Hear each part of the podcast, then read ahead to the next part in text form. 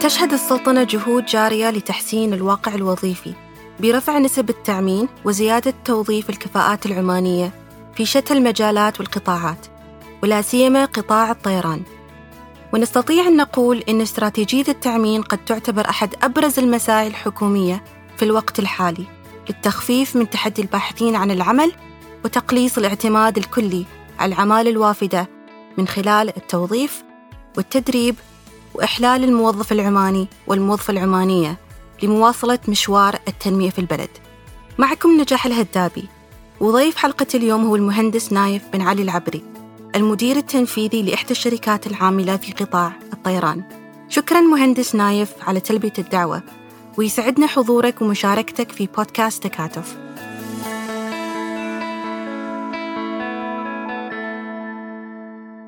أهلا وسهلا أخت نجاح.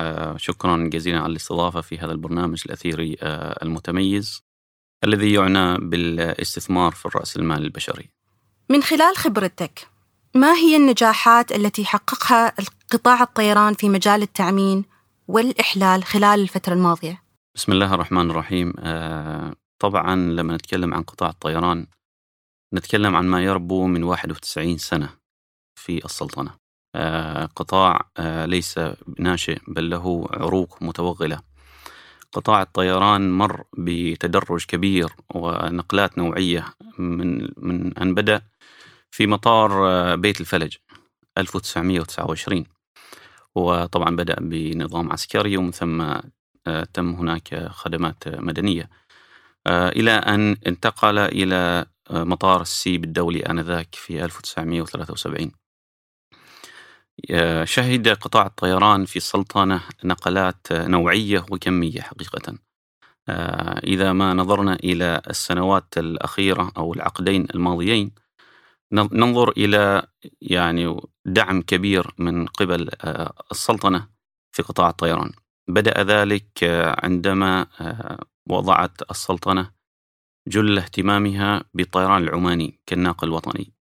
من خلال الاستثمار في الطائرات الحديثة في نهاية العقد العشرين الألفين ومن ثم تم تأهيل وتدريب الطيارين الفنيين المهندسين آنذاك على تلك نوعيات من الطائرات الكبيرة حقيقة. تلا ذلك الاهتمام أو الاستثمار في المطارات. البنية التحتية للمطارات التي عملت نقلة كبيرة في قطاع الطيران بالسلطنة. كان ذلك طبعا بدأ في افتتاح مطار صلالة في 2015 تلاه ذلك افتتاح مطار الدقم ومن ثم طبعا الافتتاح الكبير لمطار مسقط الدولي في 2018 تخلل ذلك الاهتمام بالكادر البشري الذي بلا شك هو الرأس المال الكبير الذي يعول عليه الوطن في الديمومة من خلال تدريب مدراء المطارات على سبيل المثال ابتعاثهم إلى الخارج من خلال التدريب والتأهيل والتوظيف للكثير من الكوادر البشرية الوطنية في خدمات الضيوف في آنذاك شركة خدمات الطيران. لذلك يعني قطاع الطيران رأى اهتمام من الحكومة الرشيدة خلال العقدين الماضيين استثمار كبير في البنية التحتية في المعدات ولكن الأهم من ذلك كله هو الاهتمام بالكادر البشري وتأهيله واستيعاب العديد من القيادات كذلك العمانية المؤهلة التي بحمد الله اليوم نفتخر فيها. نحن وصلنا لأرقام قياسية فيما يتعلق بالتعمين في قطاع الطيران وهذا بحد ذاته يعتبر نجاح ومكسب للقائمين على هذا القطاع والداعمين فيه. إحنا إذا نتكلم عن أرقام التعمين وصل على سبيل المثال شركة مطارات عمان اليوم وصلت إلى 98% تأمين مجموعة الترانزوم 90 فما فوق. الطيران العماني إذا إذا يعني ارتأينا أن يعني نضع المضيفين على جنب في الوقت الحالي وصلوا إلى 92% من التأمين آه لذلك نحن نفتخر أننا وصلنا لأرقام الحمد لله آه من التعمين آه بما يعني يعد مفخرة. لقطاع يعتبر تخصصي حقيقة ولذلك الاهتمام كان بالكادر البشري من أولويات الحكومة أثناء جعل جل اهتمامها في هذا القطاع. تحدثت عن التعمين في مستويات مختلفة. فهل ترى صعوبة في التعمين في تخصص معين في القطاع مثل الإدارة العليا أو الوظائف التنفيذية أو وظائف الفنيين؟ طبعا مثل ما ذكرت قطاع الطيران قطاع تخصصي. آه، قطاع كذلك منظم. آه، تحده تشريعات الأمن والسلامة. آه، يعني يندرج أو ينضوي تحت منظومة عالمية اللي هي طبعا الآيكيو وكذلك هيئة الطيران المدني هنا. ولذلك كل ما يتم من تدريب وتأهيل يجب أن يلامس معايير معينة دولية حقيقة. آه، فيما يتعلق بالإدارة العليا. آه، والإدارة كذلك الوسطى. آه، اليوم نحن نفتخر أن معظمها عمانيين. يبقى طبعا زملائنا الأجانب الذين كذلك نجل له كل الاحترام. لأن الأجنبي كذلك يعني جاء إلى البلد ليخدم يعني ربما قطاع معين أو قسم معين ربما ينقص كذلك الخبرة في الكادر الوطني لفترة معينة. ولكن هذا لا يعني أن لا, أن, أن لا نوجد خطة للإحلال للأجنبي متى ارتأينا جاهزية الكادر الوطني.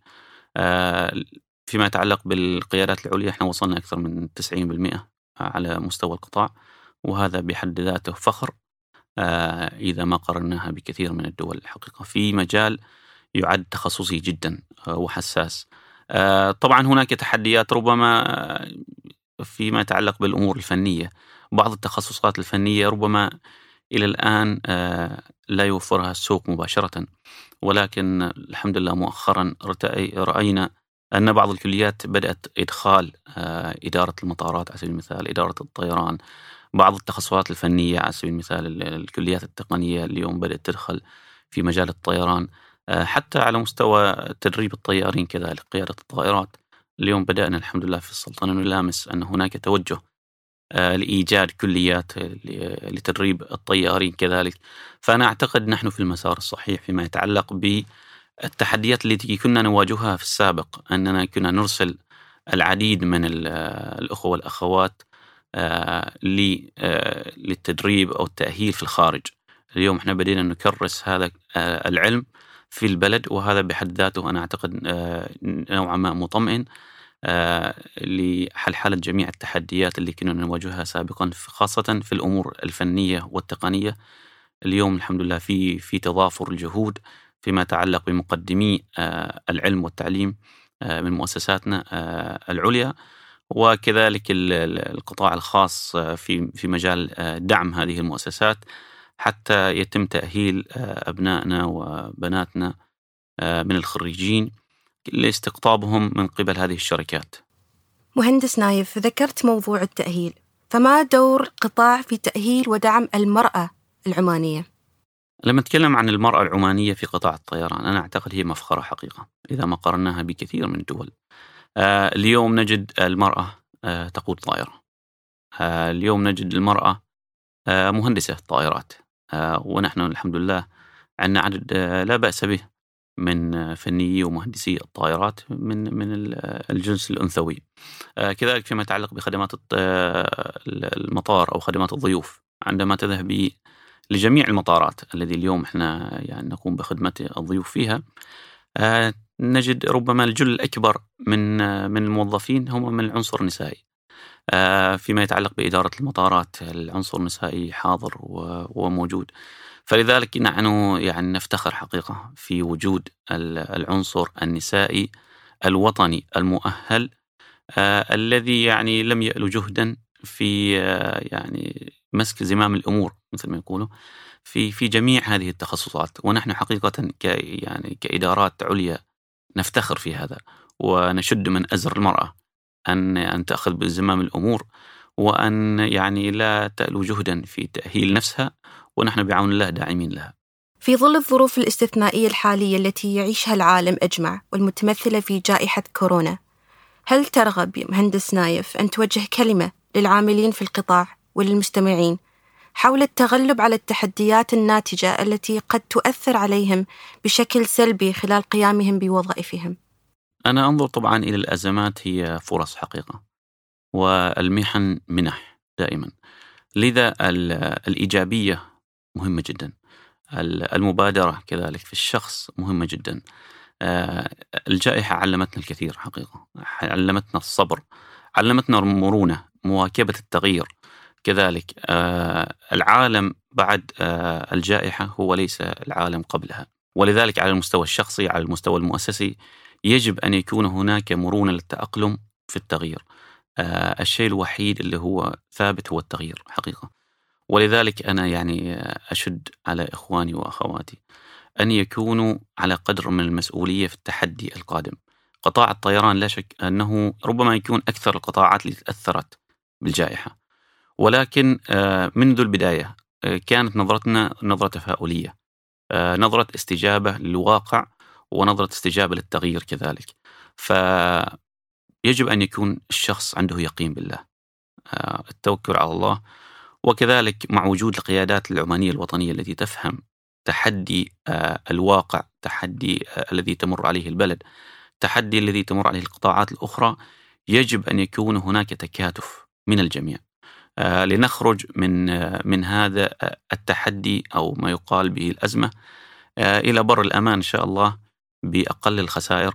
ولكن أنا أعتقد يجب أن نكون دائما متفائلين أن القادم أفضل بإذن الله تعالى. بإذن الله.